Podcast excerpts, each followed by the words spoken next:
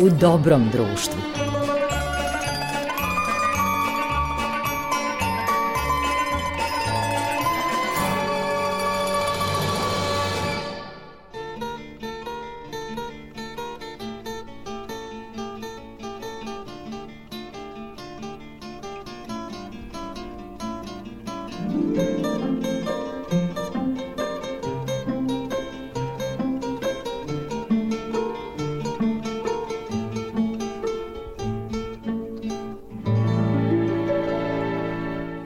Slušalci, slušate emisiju U dobrom društvu. Zakoračili smo u novu 2024. A ovom prilikom e, želeo bih da se podsjetimo legendarnog glumca Marka Nikolića koji nas je napustio pre tačno 5 godina 2. januara 2019. Marko Nikolić e, ostvario je niz uloga na filmu, televiziji i u teatru, a najviše je upamćen po televizijskim ulogama kao Karadžorđe i kao Giga Moravac iz čuvenog boljeg života. Sećamo se, dakle, glumačkog barda Marka Nikolića i slušamo emisiju u dobrom društvu iz 2016. godine. Marko Nikolić rođen je 1946. godine u Kraljevu. Kao mlad bavio se sportom, ali je gluma postala njegovo životno opredeljenje. 1969. godine e, debitovao je u filmu Želimira Žilika, ali i naredna dva filma bili su filmovi reditelja takozvanog Crnog talasa Živojna Pavlovića i Aleksandra Petrovića. Dakle, zahvatio ga je taj talas zabranjivanih filmova i autora, tako da su čak prva tri njegova filma bila zabranjena. Mada je decenije proveo na daskama koje život znače, tačnije na sceni Narodnog pozorišta u Beogradu, i snimio čitav niz jugoslovenskih filmova, od kojih su mnogi antologijski, njegovu karijeru ipak su obeležila dva televizijska lika. Jedan je tumačenje istorijske ličnosti e, Karadžorđa, vožda Karadžorđa u televizijskoj seriji Vuk Karadžić i televizijskoj drami Karadžorđeva smrt i jedno i drugo u režiji Đorđa Kadijevića, kao i komičan lik u boljem životu, lik Gige Moravca, koji je obeležio 80. godine, dakle serija Siniše Pavića, koja je završetak neke srećne televizijske epohe i našeg srećnog onog boljeg života, nadamo se da i ovaj sada nije loš.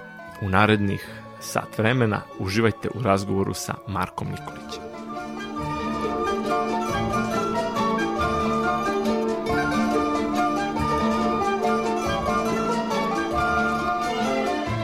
Gospodine Nikolić, ja vam svakako čestitam na još jednom priznanju. Pre svega mislim da je ono što vašu umetničku karijeru čini veliko, to što ste obeležili istoriju ove zemlje, kinematografije i one velike zemlje, igrali u antologijskim ostvarenjima, sad ako se osvrne na filmsku karijeru, i radili sa najvećima, od uh, Aleksandra Petrovića, Branka Bauera, uh, Želimira Žilnika, i oprobali ste u svim žanrovima. Nekako, čini mi se da vam je karijeru obeležilo igranje, što se filma tiče, igranje u epohi. U vreme Sefrida to su bili vrlo često znači iz drugog svetskog rata filmovi takozvani partizanski i to veliki od Užičke republike do velikog transporta Devačkog mosta pa sve do kasnije znači nacionalne istorije pre svega ste upamtećeni kao Karadžorđe ali tu su i i ostali junaci istorije kod Mrnka Cincar Marković. Kako sad kad se osvrnete na taj opus, e, kako gledate na ova vremena u kojima se drugačije radi? Pa svako vreme ima svoju tematiku i svoje namenske filmove, takozvane, mislim, kako koga zakači, kako koga zatrpi. Ja sam imao sreću da u stvari počnem da stvaram na filmu u vreme kada je taj takozvani partizanski film bio na izdisaju, a polako počeo da se budi crni talas. Tako da sam zakačio jedno i drugo. Kad pogledam bolje, ne znam koliko, 60-ak, 70 filmova koje sam snimio, samo pet filmova su partizanski. ali su ostali baš upamćeni zbog toga što su baš bili na kraju to Užička republika Boško Buha ja u velikom transportu nisam glumio ali vaš glas da. ali sam pozajmio glas glavnom glumcu ja sam tu nešto i glumio nije glumio ništa on je bio jedan amerikanac koji je tu došao da uzme neke pare ali o čemu se tu radi on nema pojma ni u kojoj zemlji, ni koga glumi, ni koji su koji, ni koji su ovi. Mislim, tako, toliko o njegovoj glumi. Ono što sam ja pokušao da izvučem, izvukao sam što nisam. U ostalom nije mene interesovalo. Ali ono što je, na što sam ponosan, to je što sam učestvovao u prvim filmovima koji su bili zabranjeni. Ja to onako kažem malako zabranjeni, mada oni imaju za to posebne izraze, čak ne ni cenzurisani, ne, ne, ne ni u bunkeru, nego ne, nekako jednostavno sklone film, a kažu ne, sve je u redu, samo što se film ne prikazuje. Čak sam imao jednu veliku oplu o tome da li je, ovaj, da li je film biće skoro propa sveta bio zabranjen ili nije, ja znam 100% da, da on čak nije ni na puli prikazan, za razliku od Žilnikovog i mog prvog filma Rani radovi koji je prikazan na Puli nikad više. E, ja sam išao na neke premijere sa njim ovaj, e, Rijeka, Pula, Zagreb. To je bilo mm, još pred Pulu ali u bioskope nikada nije ušao. A zaseda Živojina Pavlovića takođe. Prikazan je na Puli pretilo je da nekolicina ljudi odu u, u aps zbog toga mislim, baš jedan ovako oštar film I onda sam ja ostavio tri filma za redom, snimam tri filma. Moja mama kaže ti lažeš, ti ne snimaš nikakve filmove, nigde i nema, ni u jednom bioskopu. Kaže, mama ima plakate, ima plakat Željnikov rani radovi na koji piše Mirko Nikolić, ne Marko Nikolić. E, rekao, vidiš mama da sam rođen nekom srećom u nekoj Americi, da sam ovako snimio film više ne bi morao da radim do kraja života, pa kako? Pa rekao, evo, samo za ovu grešku jednu. Mirko Nikolić, mesto Marko Nikolić, da tužim za materijalnu povredu, za pretrpljene duhovne patnje i tako dalje, za materijalne štete koje su meni nanete, jer svi da jure Mirka Nikolića, a ne Marka Nikolića i tako dalje. Dobro, to nije bitno. Sad na kraju, mislim, karijere faktički uh, šta mogu da kažem? Mogu da kažem da te zapamte za nešto što možda nema veze sa, sa tvojom umetnošću. Evo sada su u obrazloženju za nagradu Zlatni Beočak pomenuli da će ostati je zapamćenje sa zapamćenjem po ulozi Gige Moravca. Gigu Moravca sam igrao iz levog rukava, iz desnog rukava, mislim, to je, tu nema šta da se igra kad sam dobio taj scenario, pročito pred 12 epizode, ja sam rekao, evo, lopta ti je na penalu, biraj koji ćeš čošak da gađaš, to mislim, to nema glume, nema ništa, ti igraš, govoriš ono što piše. Pomenuli se čak u obrazloženju zbog velike fizičke sličnosti Marka Nikolića sa Karadžorđem desila se ta velika uloga ovaj, Znači da nisam ličio na Karadžođe i da Miša Vukovratović kojim slučajem nije mi dao da pročitam ovaj tekst, ja bi ostao nezapaćen glumac. A sada sedimo na ovoj sceni ja gledam onaj luster sceni Narodnog pozorišta i kažem Bože, ja 47 godina buljim ovaj luster a to nije ostalo zapamćeno. Da, zapamti se ono što je e, bilo prikazano u masovnim medijima o, mnogi od ovih filmova koji su bili zabranjeni tada, oni su danas mnogo življi od nekih drugih koji su na sva zvona prikazivani. Tako recimo Žilnikov rani radovi. Bio sam nedavno svedok koliko oni dalje plene širom Evrope, recimo, bioskopsku publiku i koliko je taj film još uvijek živ i sam autor je na neki način začuđen renesansom tog filma. Kako se sećate tog snimanja? Film je specifičan bio posebno za to vreme, a i verovatno i samo snimanje. Ja tu o umetnosti, o umetnosti, ne mogu da kažem ni reč. Ja sam tada završio prvu godinu akademije, imali smo kao neki casting, jurcali smo gore na Košutnjaku, kao jedan stampedo nas, jedno 100, 200, ne znam šta je, Žilnik se odlučio za mene tome šta su rani radovi, šta je marksizam, ko Marks, Engels, Lenin, ta čuda, što, o čemu se radi u ranim radovima. Je to pojma nisam imao. To je ovaj pokojni Tirke i oni su se nešto stalno stalno nešto preganjali kako da ilustruju koju scenu, kakvim da ćemo da padamo sa prozora ili ćemo da se valjamo u blatu ili da ćemo... Ja sam tamo potpisao ugovor na izvestnu količinu novca, skinuli su moje privatno delo sam sa mene i rekli da će biti kostim, dali mi jedan voucher koji s kojim sam otišao u komisijon, kupio farmerke, jednu debelu kanadsku košulju, cipele i tako dalje, sve šta treba. Bio vrlo zadovoljan, bio pun para i, ovaj, i radio ono što mi se kaže. Popenji se na ono brdo, popneš na brdo, siđi s brda, siđi s brda. Tako da ja da ulazim u neke analize tog filma, da zašto on sad doživljava opet neku renesansu, zašto je on uopšte bio zabranjen, zašto je on uopšte bio cenjen, ja pojma nemam.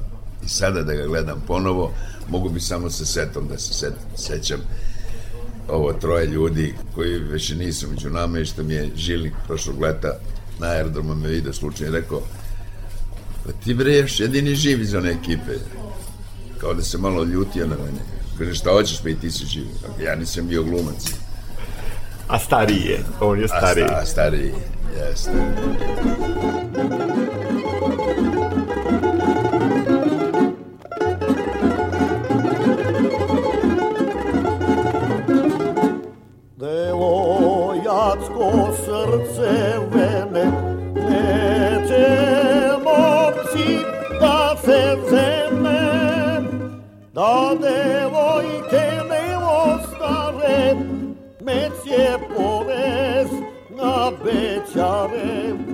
Ako momci neće milom, ženiti ih treba silom. Ako momci neće milom, ženiti ih treba silom.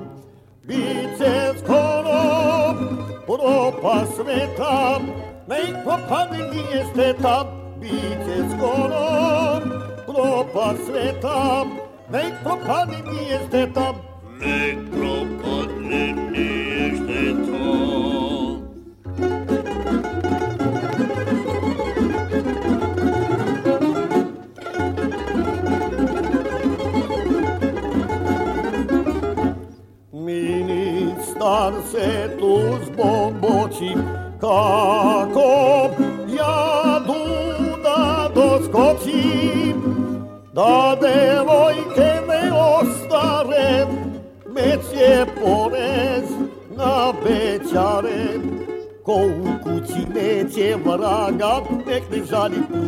blaga. Ko u kući neće vraga, nek ne žali pusta blaga. Biće skoro propad sveta, nek propade nije šteta. Biće skoro propad sveta, za mene je bilo jedan zabavan film sa, sa muzikom i pevanjem. Ja nije Židan Doja, onaj Pavlov i tako. Šta tu crno, još bio moj film. Ništa ja tu crno nisam video Žike Pavlovića, koji je možda najmračniji od svih ta zaseda. Takođe, Već sam ja imao pojma šta se to dešavalo, to odmah posle rata. Otac i majka nisu smeli ni da mi pričaju o tom otkupu žita, o svetskom frontu, o, o, o, o tim čistkama, o, o tim... To za mene bio jedan partizanski triler, postratni. Kaže, zabranjen. Zašto je zabranjen? Kaže, čuti, budalo, kad je zabranjen, ti nemoj da pričaš, pitaš zašto je zabranjen. Ima neki razlog, sigurno. Zna to neko bolje od tebe. Da, I onda sam se ja malo uplašio da se ne raščuje, da se baš, baš se potrefi, da baš ta tri filma za redom, koje su sva tri zabranjena, rekao, neće teti više ljudi da mu uzimaju film. Malo bi posle toga bilo frke oko onoga, pa, ovaj, poznete li Pavla Pleša, pa se menjalo to, u betonska ruža, nešto, pa, pa ovaj, izbegao negde u, u, u Joca Aćim koji to snimao, taj film, pobego negde u Alžiru, Maroko, ne znam ja. se vratio posle ne znam koliko godina snimio Bal na vodi. Tu sam opet dao glas Gidri Bojaniću. Tako da ja uopšte se nisam mnogo, kako se filma tiče, ni udubljivao u, niti uloge, niti u sadržaje, niti smatrajući da, ove, da to tako jedna igračka za zabavu. Mislim, izigra u bioskop, pa ga baca posle na televiziju, pa ko će gleda, pa ko neće da gleda. Međutim, kasnije sam počeo da shvatam da to je ipak jedna ozbiljna stvar i da se na filmu mnogo jasno vidi kad nešto radiš, ošljariš onako da odradiš posao i kada, kada čovek i misli i trudi se i uspeva mu. Uspeva mu da nešto uverljivo odigra, da je, a da to, taj rezultat proističe isključivo iz velikog truda i talenta jednog glumca. Znači, potpuno jedno drugačije mišljenje. Na, nas u stvari na akademiji pripremaju za pozorište i ošte nas kreću pažnju na osbiljnost. Ovaj, ja ne kažem da, su, da sve uloge, svi glumci i svi filmovi zaslužuju takvu vrednost. Mislim, vrlo je malo takvih filmova.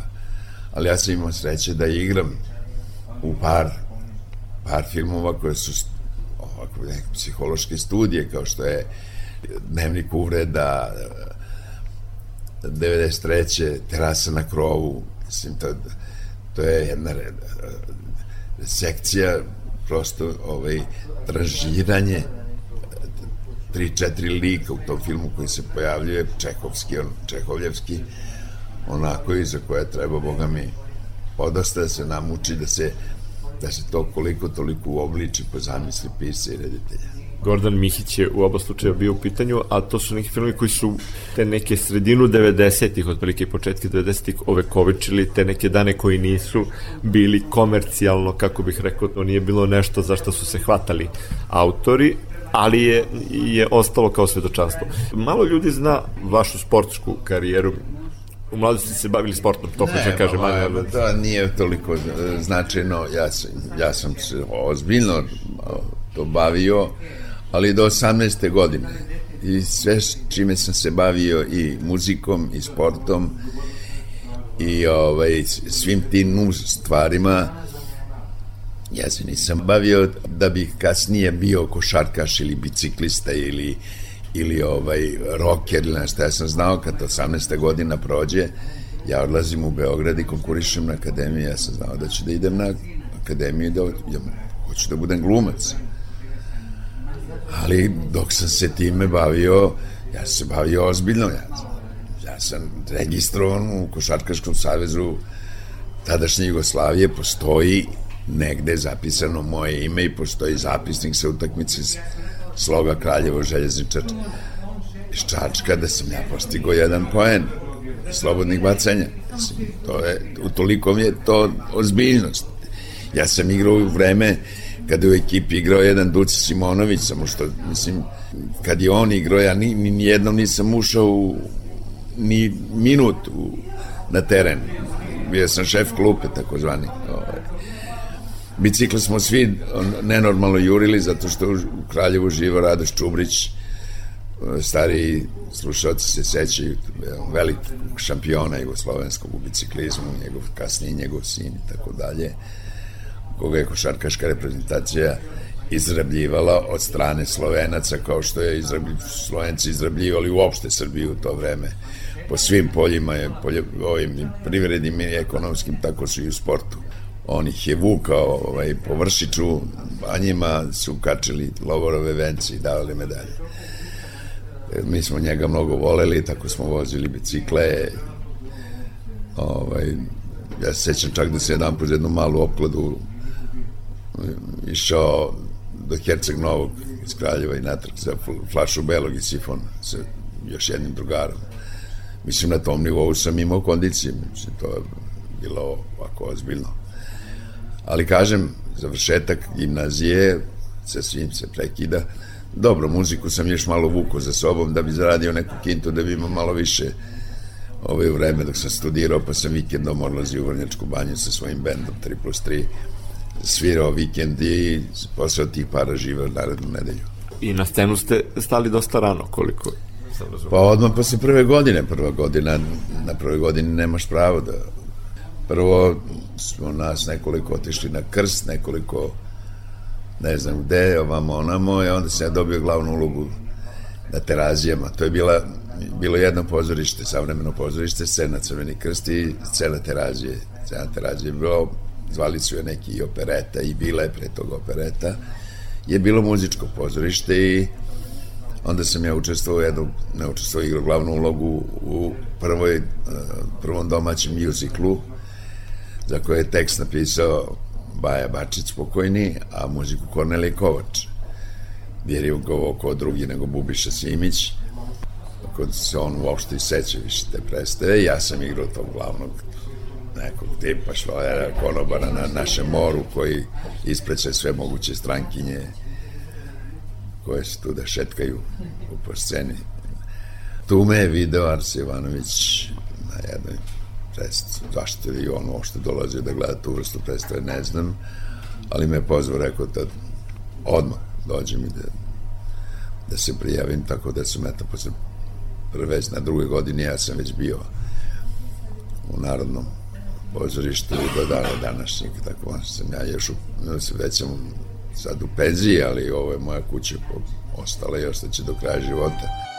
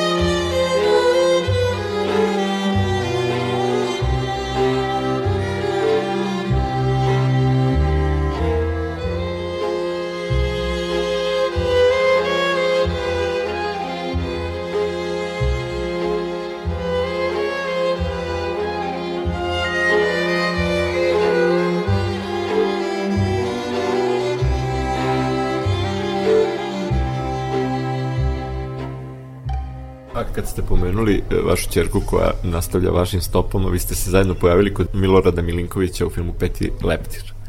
Da, nismo zajedno u sceni. Ovaj, ali, ali u istoj ste filmu? U, u istom filmu, naravno, ja sam pročitao ceo scenario, što je danas redko, svi čitaju samo ono što oni glume, pa sam vidio da ima jedna uloga i pitao producenta je li podeljena ova uloga, znači nije, što, što ne igra moja čerka to, kaže, pa što ne igra, što ne kaže da imaš čerku.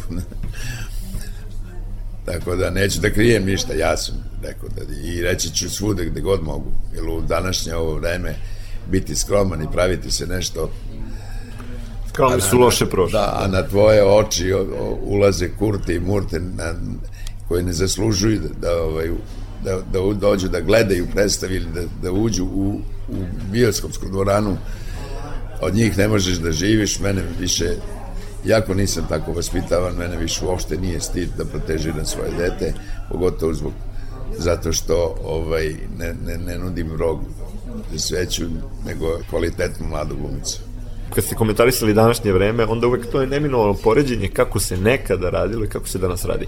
Koliko način današnjeg rada poštuje glumce i staroca, pošto ljudi koji su stvarali velike uloge, velike filmove, odjednom nekako uh, rade u onome što se nudi i ono što se pravi. Znači, ne, kažu nekad se zaista snimalo, to je imalo ovaj, svoje dostojanstvo. Kako to sad pronosi? Recipročna, tu nema mnogo filozofije. Da ima puno para, nema puno poštovanja prema glumcu. I obrnuto. Šta će on? Te plaće s nekom bedom da ovaj, nešto se da ne kažem sad šta da radi. Da, da. Nego je manje od makovog zrna i žuri da ti neki, neki iz kesice čajić gurne ovaj, i da ti poturi stolicu po zadnjicu što, što pre vam. U vreme kada su bili honorari ogromni isplaćivano na vreme i kada je to so, bio si ko u vojsci smeo da dođeš na mamure na snimanje nisi smeo mora si da znaš tekst perfektno mora si da, da budeš u, u određeno vreme kad se kaže da, da dolaze kola po tebi ili ne znam ovamo namo smeš da kasniš jednu sekundu. Sad kad se nema para čovjek jednostavno kaže ne mogu sutra na snimanje i ne možeš mu ništa. Jer nisi ti izvršio svoj deo obaveze. Zašto bi lumac izvršavao svoj ide negde, ide može da zaradi neko mesto, može da prekine snimanje filma na pola, može da radi šta god hoće. Kao i svemu, mislim, da su se glumci budale kasno o, upametili. A drugo, vole da se vide i vole da igraju. Pa ima ih koji, to, nema tog jedinstva esnavskog. Kaže, nećeš ti, bo ja ću džav, da platim. Da se vidim na velikom ekranu.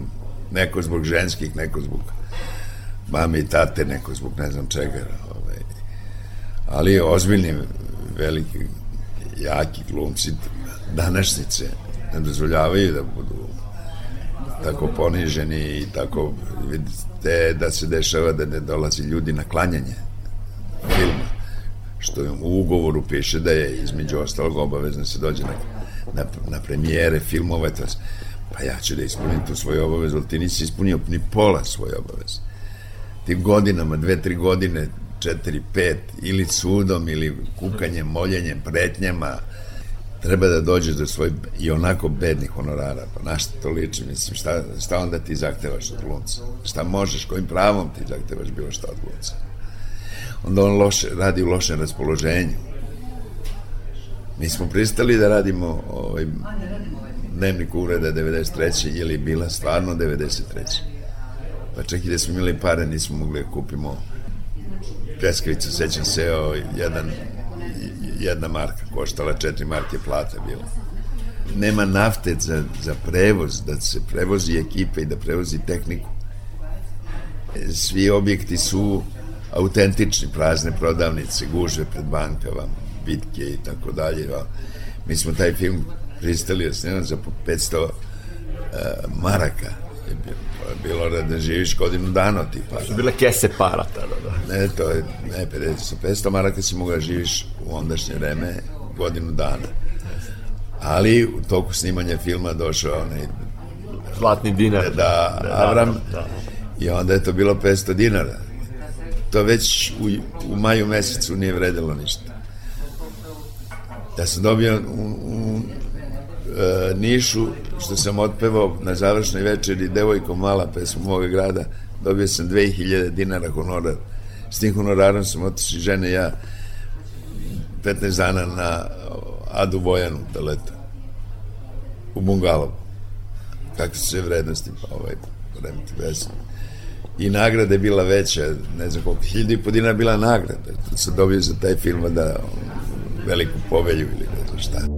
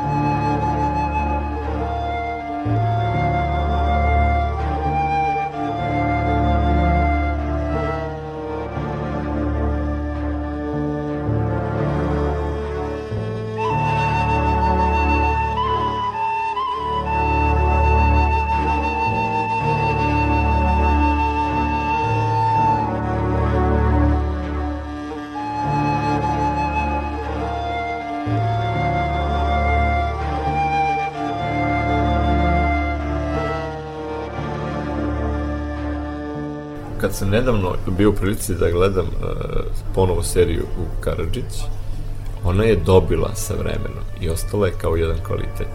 To je vreme kada je u fokus malo više došla nacionalna istorija. Kako ste pristupili liku Karadžorđa? Koliko je teško igrati i autentične ličnosti? Ja ne želim da mistifikujem stvari, ovaj, ima puno mojih kolega koji zapadanje u od ako tebe reditelj odabere i zna zašto te odabrao a ispalo je da jeste da, da ima sličnosti kakva je to autentična šta, šta mi znamo o Karadžiću? Šta mi znamo o Karadžiću? Pa ja govorim normalno svojim glasom koji je bariton, bas bariton. Karadžić je imao piskav glas. Nema tonskog zapisa pa ne može da se čuje Ajde ti stavi sada da Karadžić je piskavo govori o filmu, ko će da gleda taj film? Niko. Svi će da ga ispljuju. Prema tome tu reči autentičnosti nema. O njegovim osobinama i njegovim, da sam našao 5-6 stvari, nešto sam i čuo, uvek nekim nožem koji nosi sa sobom sekao hleb i uvek davao drugima i sebi ostavlja na kraju. Da je volao da jede papulu, to je pire od pasulja koju je naučio da jede u, za vreme svog školovanja u Petrovaradinu u Franko, Frajkovskoj, to je artiljerijskoj školi, da je imao taj uh, tu uzrečicu Podušite. koje kude i podušite, ko što je ovaj Miloš Imo činiš volko i tako dalje. E sad tu treba malo veštine udenuti to kada je. Ko što je Pašić imao, igrao se njegu u pozorištu, imao uzrečicu ovaj, ali to nije bila njegova govorna mana, on je ovaj ubacivao kad mu je trebalo da dobije na vremenu da, da te izradi nešto, da te što diplomata bio neprevaziđeni, ali ako mu zatreba malo vremena, onda je onda ovaj, ovaj. Da, i, E, sad- i vešt lukav političar. Da je, eto, Karadžorđe bio prek čovek, da je ovamo namo, ali recimo u film nije moglo da uđe, što sam ja privatno znao da je Karadžorđe koji je obesio svog strica ili brata strica zbog preljube imao adjutanta koje je bilo žensko. Adjutant Marijan je bila Marijana koja je preko dana stajala ispred šatora a u toku noći se valjala s njim po ovčim krznima. Ajde sad ti to kaži neko na narodu rušiš mi to Prikazuješ ga tabloidno. ili da ga praviš da ima 2 metra i 20 kao on bio neki 188 je bio malo višti od noleta. Ali za to vreme to je bila ogromna to je nepobitna činjenica to je zapisano u frajkovskim tim knjigama ovaj, vojnim austro-ugorskim tu nema kod njih nema zvezanja. Mislim zna se tačno koliko je visok kadet taj taj. Ali za to vreme on je bio stvarno džin znao sam recimo da nije jahao jer ti konji su ga teško nosili ili je bio krupan, težak da je više volao da pešači. Odio je konja, ali je dugačak korak i pešači on čas posla, ne znam to pole do Aranđelovca ili vamo namo. Nije mora tu nikakvih problema. Prema tome, tu neko mesto nekim trudovima velikim i radovima glumačkim za mene što se tiče nema. Kaži tačno rečenicu koja je napisana i tu je uloga završena. Da je kažeš tačno u određeno vreme na određenom mestu. Inače, da nešto imitiraš nekoga i to, to može ovako na nekom rođendanu ili kad radiš neku tezgu da izimitiraš nekog svog kolegu da mu ali to nije ulazak u lik samo taj izraz, ulaženje, izlaženje iz lika likovi nisu sobe nikakve mislim to je više za mene prilagođavanje nečeg karaktera svom. A da nije ono po, po, po brehtu ovaj, da ja igram u njegovo ime. To nek igra on u njegovo ime. Ja ni u čije ime ne mogu da igram. Mogu da igram samo u svoje ime. I to da prilagodim da se jako prilagodim svoj karakter tom karakteru s tim da ne porušim pišćevu ideju, pišćevu zamisao zbog mog karaktera. Ali sve se može prilagoditi. Sve se može. Mogu da crtaju ljudi, slikari plavo sunce. Ali tako? Nešto što se zna da nikad ne može bude plavo, a viđa se slike. Uspešno zašto ne bih mogao ja koji sam takav i takav po prirodi, da igram nekog čoveka koji je takav i takav po prirodi. Ali on ne može da se prilagođava meni, nego moram ja njemu. Kada se govori o ekranizaciji nacionalne istorije, taj opus e, je generalno ono što, što je urađeno je skrobnije. Mnoge epohe i mnogi događaji bitni i manje bitni nisu ni dotaknuti nekim ekranizacijama. A zašto? Ajde, šta vi mislite? Evo, pa, e, recimo do 80. godina 60% produkcije Jugoslavije je bio partizanski film. Znači, no... Ko je bio prethodnik toga? Ko je svojio, ko je dobio rat? E, dobili su komunisti. Snimali su komunisti koji su Pobednici pobedili, su snimali su filmove o sebi. Pa neće valjda da ti snimaju o junacima iz prvog srpskog ustanka, pa će kažu, pa ovi bili već junaci sam... Ili o, o prvom svetskom ratu, ili o prvom, prvom svetskom ratu. Nisu pominjali, mi nismo znali ništa. Ja sam tada učio školu od 46. godine. Nisu nam dali da znamo ništa. A sad ponovo, evo, u gimnaziji, peta, peta beogradska moja čerka, jedan dan, jedan čas, prvi srpski ustanak. Opet, i ovi novi koji su došli, ne daju da neko bude slavniji od njih. Oni su najslaviji, bili demokrate, bili socijalisti, bili naprednjaci, ovi, kako se zovu, više, ne znam i mi, 860.000. Je to jedna engleska, pa da krene od da krene od najstrašnije delove svoje istorije, snimaju kako su maltretirali Irce.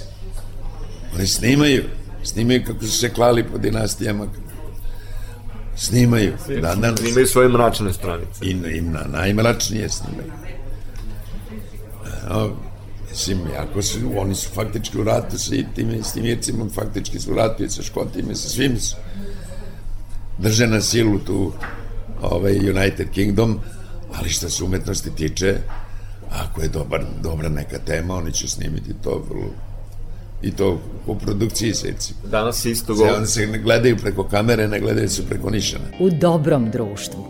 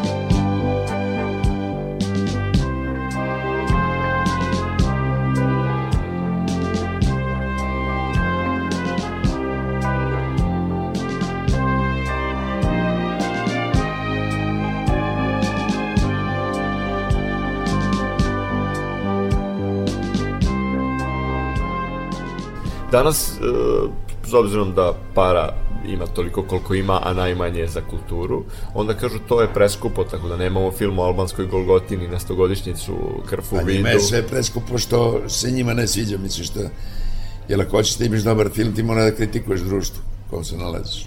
Mislim, a mora da im se podilazi. On, a, a on ti da pare, kaže, ja ti dam pare, ti me kritikuješ. Pa mislim, ili nešto neutralno snimaš, ajde da se volimo, ili sekula se ženi. Mislim, to nije to, to nije filmska umetnost, to je zabava za narod. Za razbibrige. Onda su naši naj, najjeftinije dokumentarci. ne, ne smije dokumentarce baš to, to. Nego ove veliki brat, farma, A to parovi, ovamo, namo. A, reality, to je to. onako ubije definitivno mozak, ovo malo pametnih ljudi što je ostalo, dobro njih ne mogu, ali ovaj narastaj koji raste, koji slušam po, po, po, po gradskom prevozu, čujem taj, taj šmek toga, ja ne gledam to, ali znam šta je gleda se dva, tri puta da vidimo čemu se radi, da bi znam, mogu negde da kažem reč neku protiv o tome, da imam argument. Ovaj, to se, to, to je najjednostavniji vid za. Ne živimo u slavna vremena. Ja hoću život, bolji život, da ga zgrabim poput igra Život nije dečja igra Ja hoću više Hoću bolje još Hoću sve Pa kako bude? Što to vredi kad ne spadam u taj soj Jer život traži bolje ljude? Ja hoću život Sve ili ništa Hoću glavni zgoditak To moje moto. Ali šipak Nešto ipak tu ne štima. Život nije loto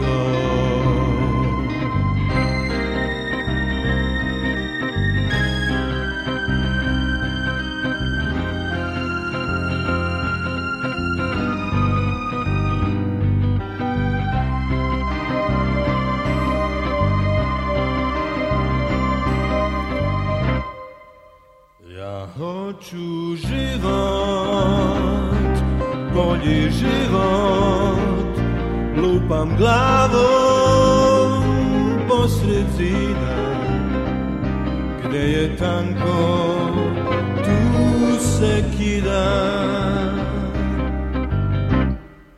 Ja hoću ipak da ostvarim san Želje sve, pa kako bude Šta to vredi kad ne spadam u taj soj? Jer život traži bolje ljude. Da se dotaknemo boljeg života, zato što je bolji život isto bio poslednja velika serija koju je gledala cela ona velika Jugoslavija, a čini mi se kada pogledate te neke serije velike na, na nacionalnoj televiziji, ona je poslednja koja je rađena sa pažnjom i koja je uloženo truda i koja je nekako novca. i novca i koja je nekako i danas e, pokazuje neki kvalitet. Kasnije čini mi se da je došlo do jednog pada i u kvalitetu. Pa što je došlo do štancovanja, ovaj, što pisa, što glumaca, što tema i tako dalje. A je prvi bolji život, ne bojte se, nije država odrešila mnogo tu kesu. Jer te, pare su se vraćale i te kako preko reklama. A mi nismo adekvatno bili plaćeni, mi smo plaćeni redovno, što je bilo jako važno, sa nekim pristojnim honorarima, da ne kažem malim, ali pristojnim sa naznakom da će prilikom repriziranja da nam se te pare vrate. Će se to reprizirati pa ćemo onda mi da naplatimo drugo što ćemo da mi sad dobijemo angažmane svuda, ne, neko jeste, ali neko nije teo da uzme neke likove koje su se upečatili, pa neće da ga uzme sad, jer ga već zove po tom liku. Ja se imam sećam, sam već bio u mom pozorištu i već stvorio karijeru neku, tako da ovaj, nisam bio giga moravac od početka, nego, nego sam ja u svom pozorištu, meni nikad niko nije vikao na sceni ovaj giga moravac u Narodnom pozorištu ili na bilo gde. Jeste po provinciji i tako dalje, ali to su predstave te koje sam igrao po provinciji, tu možda vičeš. I Trst je naš.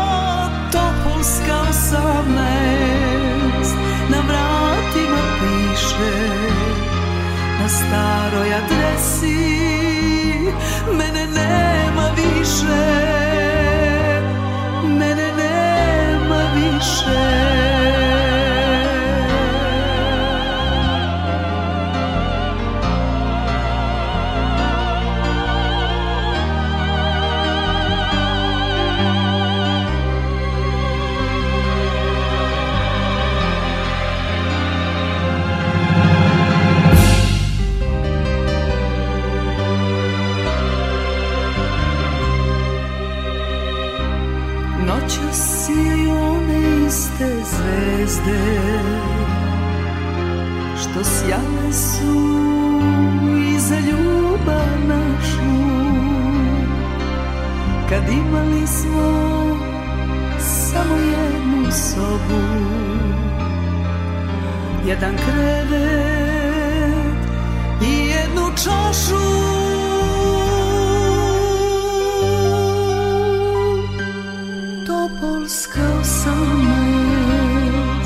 soba podstanara Njena vrata samo sećanje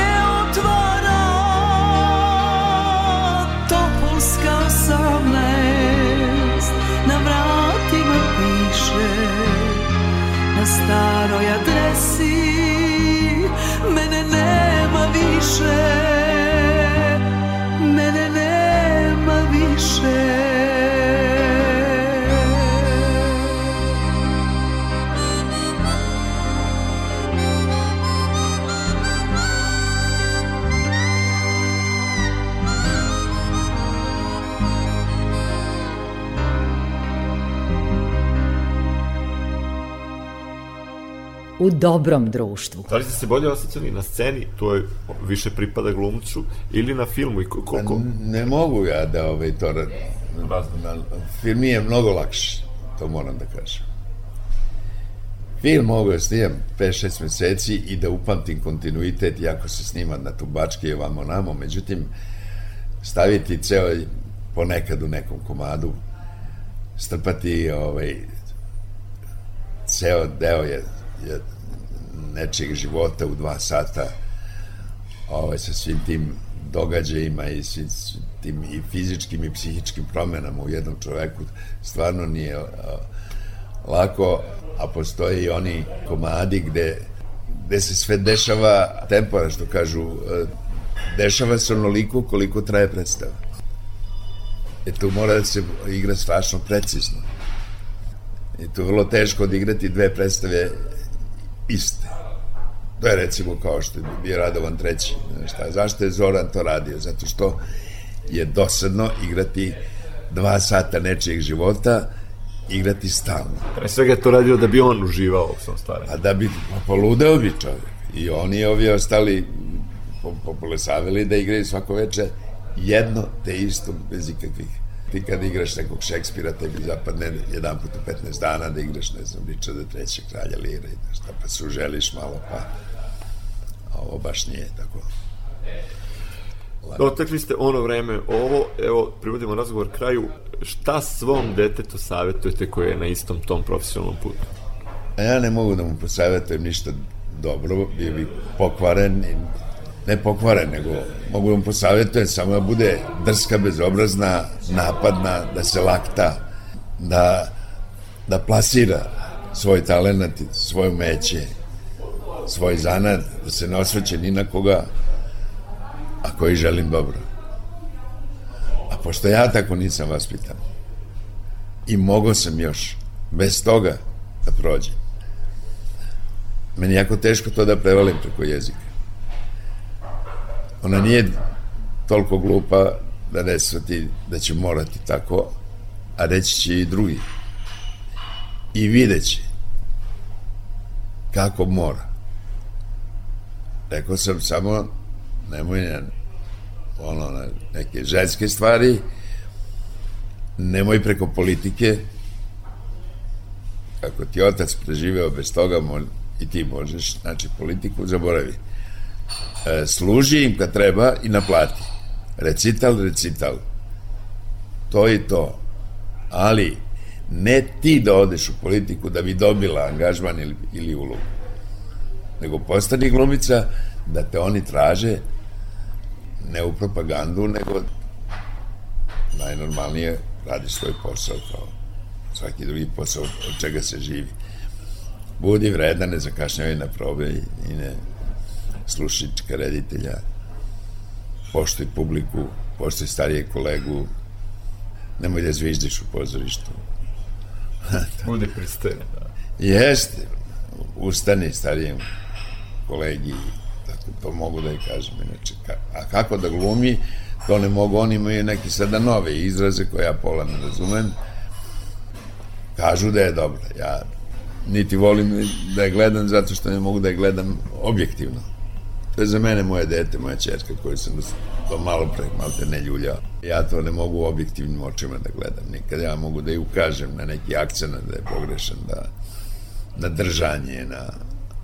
Može da dobije savjet iz prve ruke, profesionalni, zanatski.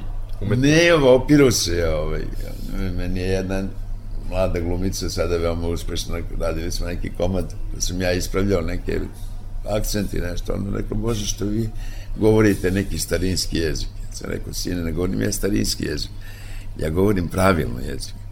A vi ne govorite više uopšte jezik, vi, ste, vi govorite kompjuterski jezik. Sa skraćenim akcentima, skraćenim rečima i reči skraćujete više od, od poruka i od, ono, nama. Boli me uvo za sve ove druge tamo na ulici i na utakmici i glumac u pozorištu mora bude jedan od prvih promotera kao što su ovi dobili zlatni beočuk sad za sačuvajmo jezik ni od prvih tebe čuje i od spikera slušam spikere lupetaju koješta i to zvanične spikere i novinare prvog programa Jel danas sve može i sve je nebitno, što reče jedan vaš kolega? Užasno. E, e, da li ostaje nešto što nismo dotakli, što ste želeli da ostane i da se čuje? Ja pričam ovako iljadu godina, mislim, ja ja kažem, ovo, meni je odijena špica ide i ne želim da dajem nikakve grandiozne poruke i ovaj, ono, ala čuvajte mi Jugoslaviju. Mogu da kažem da sam imao lepu karijeru, da su mi deca zdrava, da sam uspeo da sprovedem dosta onoga što sam hteo, ne ugrožavajući drugi, mislim, da nisam mnogo ugrožavao svoju porodicu i ženu odlazeći na pecanje. Ja sam malo ponekad malo više volao sa društvom da da se zaigram a toga ima svuda ali ste pravili i zimnicu Normalno, ja nisam no, zimnica, pijac, to sve, kuvanje, briga oko kuće, plaćanje računa, menjanje osigurača, mislim. Koliko mogu u kući, ja znam mnogo, to sam sve radio. Uvek i u pozorištu, kažem, ovaj, nikad nisam kasnije, jedino više sile mogu da da se nikad, za pet godina boljeg života nemam ni minut zakašnjenja. Pet godina smo ga snimali. Nijedan jedini minut nikad nisam zakasnio. Hvala vam mnogo na ovom razgovoru, želim dobro zdravlje pre svega i da se sretnemo još u nekim lepim prilikama. Važi. Pozdravite vaše slušalce koji vidite. Radio Novi Sad, prvi program. Tako je. Novi Sad, vezani ste i profesionalno za Novi Sad. Kako da ne. Svako dobro.